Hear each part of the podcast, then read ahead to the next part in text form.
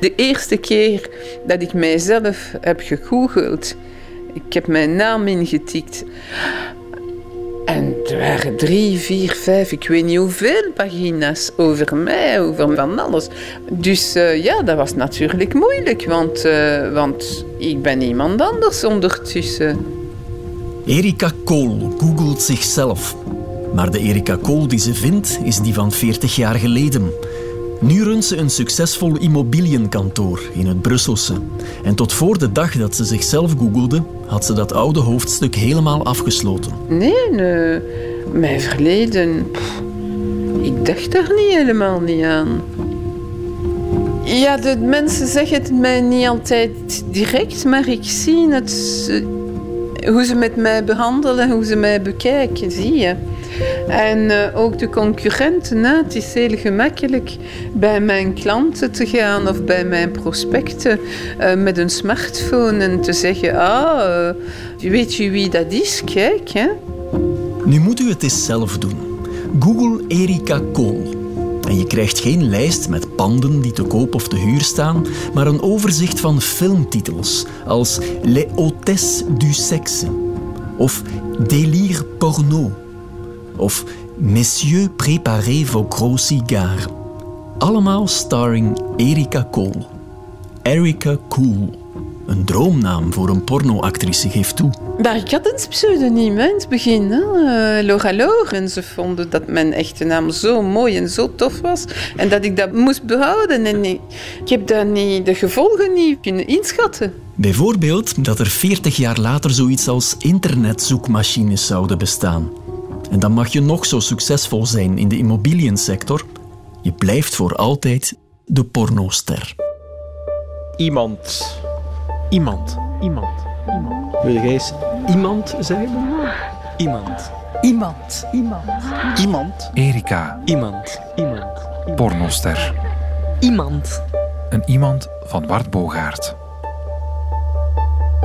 Het verhaal van Erika Kool begint, zoals zo vaak, bij de moeder. Mijn moeder, eerstens wou die vrouw geen kinderen hebben. Dus ik heb dat mijn hele kindheid gehoord, dat ze geen kinderen wou hebben.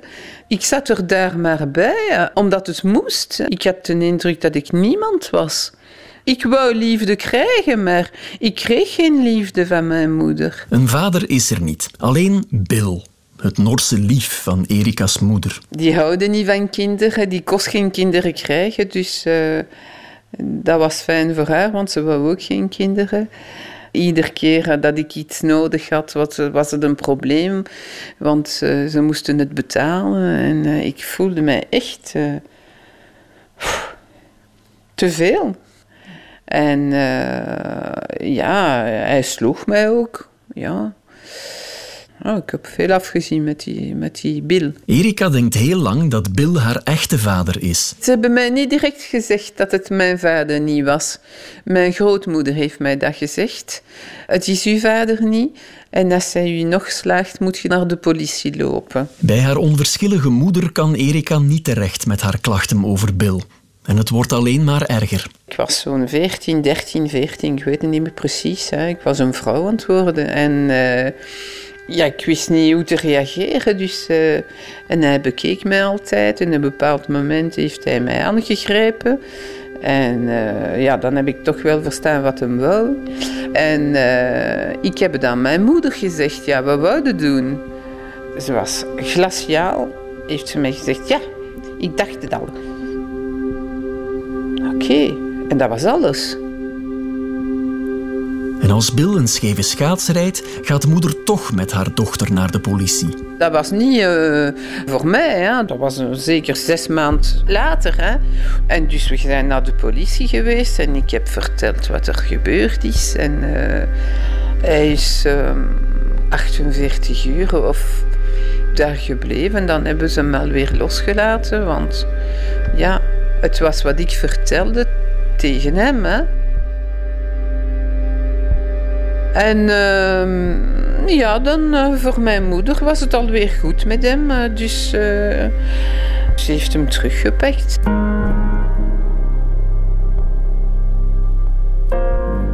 Erika is nu 17 en ze kan thuis geen kant op. Geld om studies te betalen is er niet en Erika werkt in het naaiatelier van haar moeder. Dan op een bepaald moment heb ik uh, een regenmantel uh, geknipt voor mijn rok te maken. Want ik kreeg ook nog geen stof als ik iets voor mij wou doen. Hè. Zij moest over alles beslissen. Dus en ik heb mij daar een rok uitgenaaid. S'morgens heb ik die rok aangedaan. En uh, ze zegt die rok, en ze kende die rok natuurlijk niet. Hè. Ze bekijkt die rok en ze loopt naar het atelier en daar ziet ze natuurlijk de mouwen. de mouwen van de regenjas en de kraag, wat overbleef. En uh, dan heeft ze gezegd, ja, het is niet mis. Het lijkt een banale anekdote, maar de zelfgenaaide rok geeft haar zelfvertrouwen een enorme boost. Het is een sleutelmoment, ja, ja, ja want... Uh, ik heb mij dan gedacht, ja, je kunt toch iets doen van jezelf. Hè? Je hebt daar feitelijk niet nodig.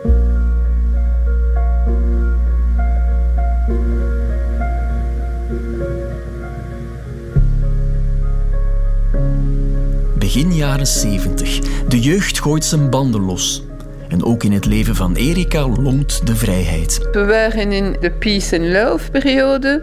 We waren in de seksuele revolutie. Haar moeder verhuist met Bill naar de Ardennen en laat Erika alleen achter. Via een vriendin die een relatie heeft met een veel oudere kunstenaar, belandt ze in het Brusselse artiestenmilieu. En ze wordt meteen opgemerkt. Fotografen vragen haar voor fotoshoots en haar gezicht duikt op in reclamecampagnes. En op een van die shoots leert ze Mireille kennen. Ja, Mireille, uh, ja, die was heel uh. Ze neemt mij mee, maar ze zegt mij niks. Ja, dat was zo'n reportage van twee zussen in de, in de nauwe tijd. En uh, op een bepaald moment ziet die fotograaf... Dat was een weg tussen de weiden. Dat was heel mooi. Hè? En uh, hij zegt... Oh, dat zou mooi zijn, een foto van hun beiden op die weg. Naakt. En Mireille direct haar kleren weg. En ik verbaasd... En ik denk, maar ja, nu moet je je kleren ook uitdoen, hè? want anders, uh, anders gaat het niet gaan. Hè? Gaan ze je bizar bekijken. Hè? Zie je? En uh, ja, dan heb ik mijn kleren ook uitgetrokken natuurlijk. En we hebben die foto's gemaakt, ja. In het begin uh, had ik mijn arm voor mijn... Uh, dus uh, je zag niet veel. Je zag wel dat ik naakt was, maar je zag niet veel. Maar net als toen, met de zelfgemaakte rok, krijgt Erika het gevoel dat ze een nieuwe manier heeft gevonden om zich los te wrikken van haar tyrannieke moeder. Ik vond dat zo vrij naakt te zijn. Allee, dat was niemand. Hè. Dat was Mireille, de fotograaf en ik. Hè. En ik vond dat echt tof. Geleidelijk aan verlegt Erika haar grenzen. Dat was ook ja, een avond, dus ik kom dat meisje toe en uh, ik, vond ze, ik vond ze mooi. Ik, ze hadden een mogen wagen, een Oostien.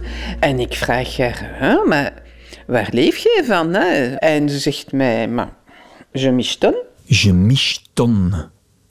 Ik tippel. Maar ik wist niet wat dat wou zeggen, dus hè. Ik, wist, ik, ik kende dat woord niet. En, uh, en ik vond het natuurlijk interessant. Ik, ik, wist niet wat het was, maar ik wist, ik, ik verstond toch wel dat ze daarvan kost leven. Ik zeg, ah ja, maar ça m'intéresse. Ik ben geïnteresseerd en uh, nou, ze heeft het mij uitgelegd. Hè. Het meisje neemt Erika mee als ze de volgende avond op straat gaat michetoneren. En er komt een klant hen oppikken. De eerste keer was toch een beetje... Uh, moeilijk. En uh, ja, het was een stap. Hè. Het was een echte stap. Uh, maar ja, zij, zij zat erbij. Zij kleedde haar uit, zoals Mireille dat heeft gedaan. En dus ze begon ermee. Alsof dat natuurlijk en normaal was. Dus uh, ik was met haar, dus ik was niet alleen. Hè. Ja, ik dacht, maar ja, waarom niet? Uh... Erika wil haar moeder nu laten voelen dat ze haar niet meer nodig heeft. En ze vertelt openlijk over waar ze mee bezig is. Haar reactie had Erika op zijn zachtst gezegd niet voelen aankomen. Ze vond dat heel interessant, dat mistoneren. En ze heeft mij gevraagd om haar te tonen hoe het ging. Allee. Ze had mij moeten zeggen, maar nee, dat, dat, dat wordt niet gedaan, dat moet je niet doen. Maar niet mij zeggen, ik doe het ook. Allee. Het is zover geweest dat ik haar eerste klant heb moeten doen met haar. En daar, dat, dat was een shock voor mij natuurlijk. Als die klant op mijn moeder is gekropen, dat was een shock, ja.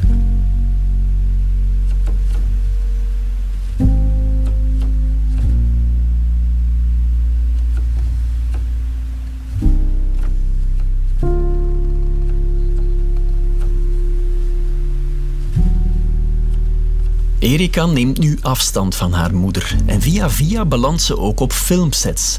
Eerst een paar kleine rolletjes, maar geleidelijk aan ook het grotere werk. Les élèves de Madame Claude, bijvoorbeeld. Regisseur Norbert Terry neemt Erika voor een casting mee naar Parijs. Die eerste casting dat was een, eh, een, jonge, een jonge vent, een hele mooie. En uh, we moesten naakt staan naast elkaar. En hij had direct een erectie natuurlijk. Dat was de bedoeling niet. En uh, Norbert Terry heeft gezegd, ja, het is oké, okay, c'est bon. Les élèves de Madame Claude is het geromantiseerde verhaal van een berucht escortebureau in Parijs. De wereld van callgirls en luxe prostitutie is Erika niet vreemd en er komt een tweede casting. Behalve regisseur Norbert Terry is er nu ook een chief operator. En uh, die vraagt dan, uh, ah, est-ce qu'elle fait du art? En net als bij het mistoneren durft Erika zich niet hardop afvragen wat ze zich in stilte afvraagt. En ik wist helemaal niet wat dat was, art. En ik kijk rechtstreeks uh, naar Norbert en die doet mij met de kop ja. En ik draai mijn kop en naar de chef operator en ik zeg ja. En ik denk in mijzelf, ik zal dat wel zien wat dat is, hè, hart. Erika gaat zich informeren bij een paar andere actrices die ze er ontmoet. Die hebben mij al gezegd, oui, mais nous on fait que du soft. Wij doen maar alleen soft, wij doen geen art. Ze zeiden, ja, non, dat zijn andere actrices. En nee, er waren geen actrices toen. Uh, die doen die hartscène. Dus dat was gedubbeld. Dus gaat de actrice die de scène draait erotisch en dan raccord noemden ze dat. En dat was de hartscène. Maar dus van mij verwachten ze dat ik de hele boel draaide. Dus de soft en de hartscène. Om zich voor te bereiden gaat Erika naar de cinema. Mélodie d'amour chante le cœur d'Emmanuel. Emmanuel gaan zien, de film met Sylvia Christel. En ik bekeek en bekeek, ah oké, okay, dat wil hem van mij nu. Oké, okay, zo moet je dat doen. De tournage van Les Élèves de Madame Claude neemt een maand in beslag. En op een bepaald moment verstaan ik natuurlijk wat ze van mij willen. Dus ik moest de benen uiteen trekken en ja, cunilingus. Toen de camera op mijn hoofd kwam, had ik de handen voor mijn hoofd, voor mijn gezicht. Hij was altijd aan het schreeuwen, de chief operator natuurlijk, want hij verwachtte dat niet. Hij verwachtte dat ik het echt deed. Dus uh, hebben ze dan toch uh, een doublure uh, laten komen voor die artscène te doen. Want ik, ik, ik, ik kon ze echt niet doen. Het, het ging echt niet. Maar zoals al zo vaak in dit verhaal zet Erika de schroom geleidelijk van zich af. Er breekt een periode van drie jaar in Parijs aan, waarin ze meespeelt in de ene erotische film na de andere. Les Demoiselles du Pensionnat. Cathy Fille Soumise. Brigade Call Girls. Erika voelt zich niet meer dan een kind van haar tijd. Ik dacht, maar ja, dat is emancipatie. Het gaat juist een beetje verder in de cinema. Dus je had uh, le baiser cinema, dus uh, de kuscinema. En nu is er dat uh, voor de cinema. Ik, ik, ik was zo naïef dat ik dat zo dacht. En misschien was het ook zo op dat moment op het uh, cultureel en kunstgebied. En ook de prostitutie en het michitoneren horen bij die nieuwe vrijheid. Via een contact op de filmset belandt Erika bij Madame Claude. De echte Madame Claude, die een netwerk van luxe callgirls beheert. Het waren heel, heel rijke heren. Dat wil zeggen dat ze heel veel betaalden, maar dat ze eh, veel ook van u verwachten. Plasseks, SM, wurgseks. Dat was ik helemaal niet gewend en dat ging niet goed met mij. Eh, hoe zeg je, je mordais sur ma chic. Beet op mijn tanden. Dus, uh, maar die laatste, dat is heel, heel slecht verlopen. Ik heb gedacht dat ik daar nooit levend uh, buiten kom. Dus ik was zo gechoqueerd. En ik heb dan aan Claude gezegd wat er gebeurd is. En ik ben er ermee gestopt. Hoeveel het betaalde, ik geef niet. Ondertussen circuleren de films van Erika in een kleine kring. Van het internet of een echte porno-industrie is nog geen sprake. Maar zodra de VHS-cassette haar intrede doet en het X-label ontstaat, voelt Erika de sfeer kantelen. Die industrie is begonnen en dus uh, het laatste jaar was het maar alleen uh, hoeveel pornoscènes ging draaien. En uh, het einde vond ik het echt... we waren zoals vlees, hè? Ik, ik, voelde mij zo. En dan ben ik ermee gestopt, ja. natuurlijk. Want dat, dat had niks meer met kunst te doen. Erika beseft ook al snel dat het onmogelijk wordt om in de filmwereld een andere richting in te slaan. Ik heb andere proposities gehad voor een normale film, erotische films, zonder porno, voor andere filmen nog mm-hmm. te draaien, want ik ik zeg het, ik heb niet meer alleen porno gedraaid. Hè. Maar uh, ik had beslist dat ik helemaal niet meer actrice wou zijn. Omdat ik precies al wist dat ik die etiket had. Ik was afgestempeld. En dat heb ik vlug verstaan.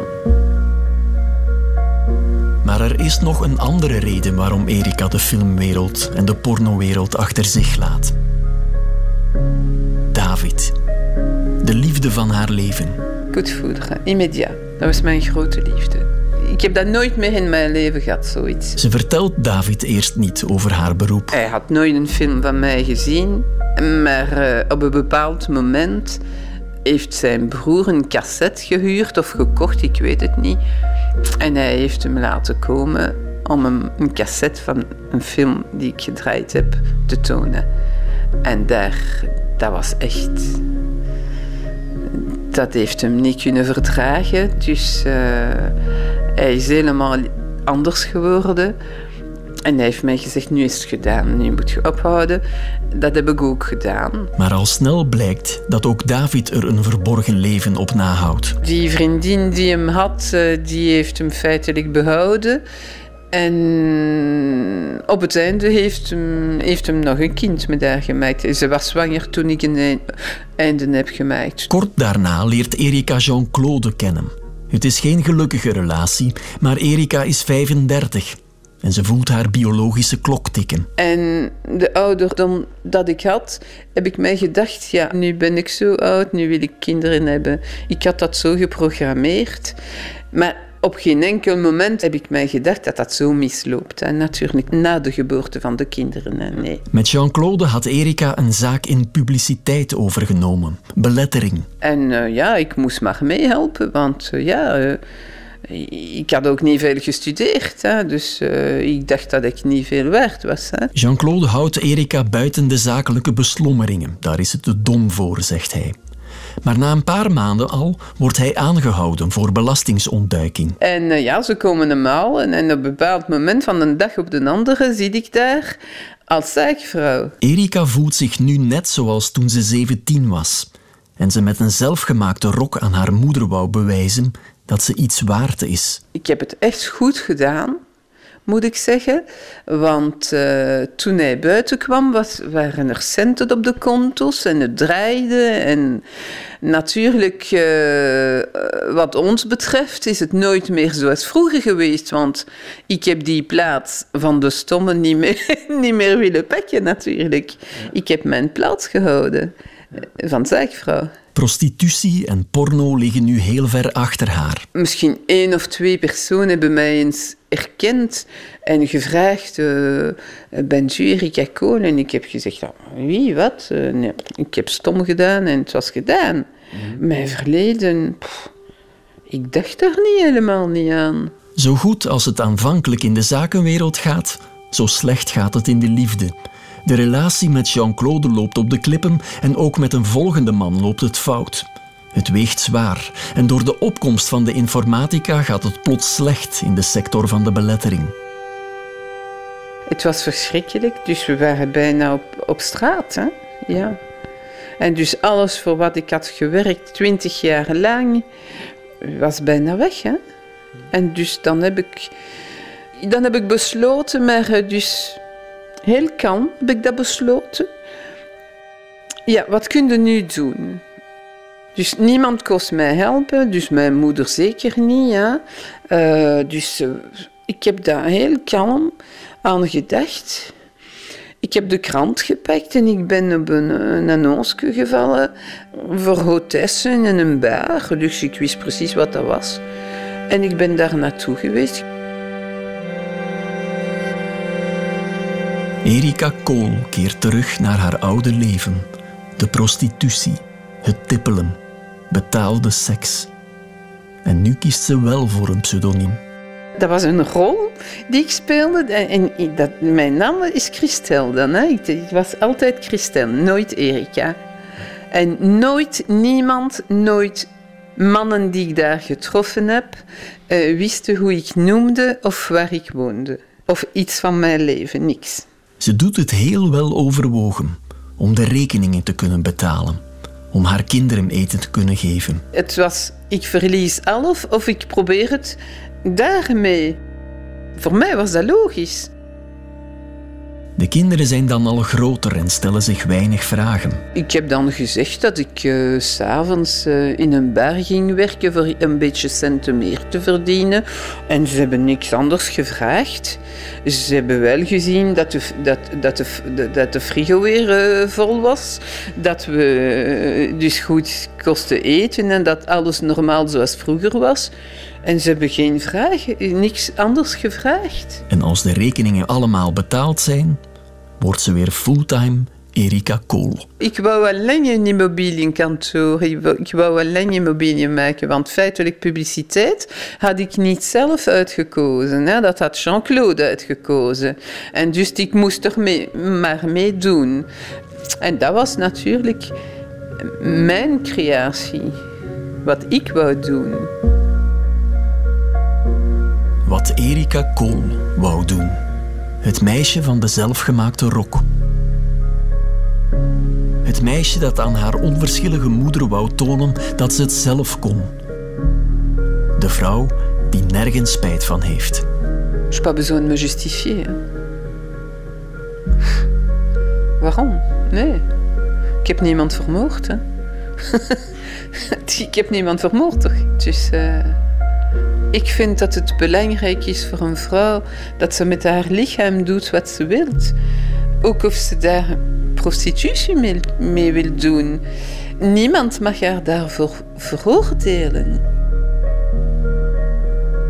Het hele verhaal van Erika Kool kan u ook nalezen in haar boek Update, dat uitgegeven is bij Houtenkiet. Dit was Iemand, een productie voor Radio 1 van Filip Heijmans en mezelf, Wart Bogaert. Met dank aan Ben Venesoen en Leila El Dekmak. En volgende week hebben we iemand anders. Je voelde wel altijd dat mijn vader mee in zijn gedachten mee bezig was. Ik denk met een groot raak of zoiets, of een, groot, een grote organisatie die de wereld zou veranderen. Ik heb wel gezegd, wat doet dat hier in de keuken? Dat laak. Dat was natuurlijk geen laak, dat was een geraamte. Hè? Het is gewoon een, uh, een deel van wat het er aan toe ging daar in dat café. Ik kan me niet voorstellen dat er één plaats in de wereld is waar ik zou kunnen zeggen, dit is mijn huis. Nee. Intussen vind je ons op radio1.be of op de Twitter- of Facebookpagina van Radio 1. Ken of ben je zelf iemand met een sterk verhaal?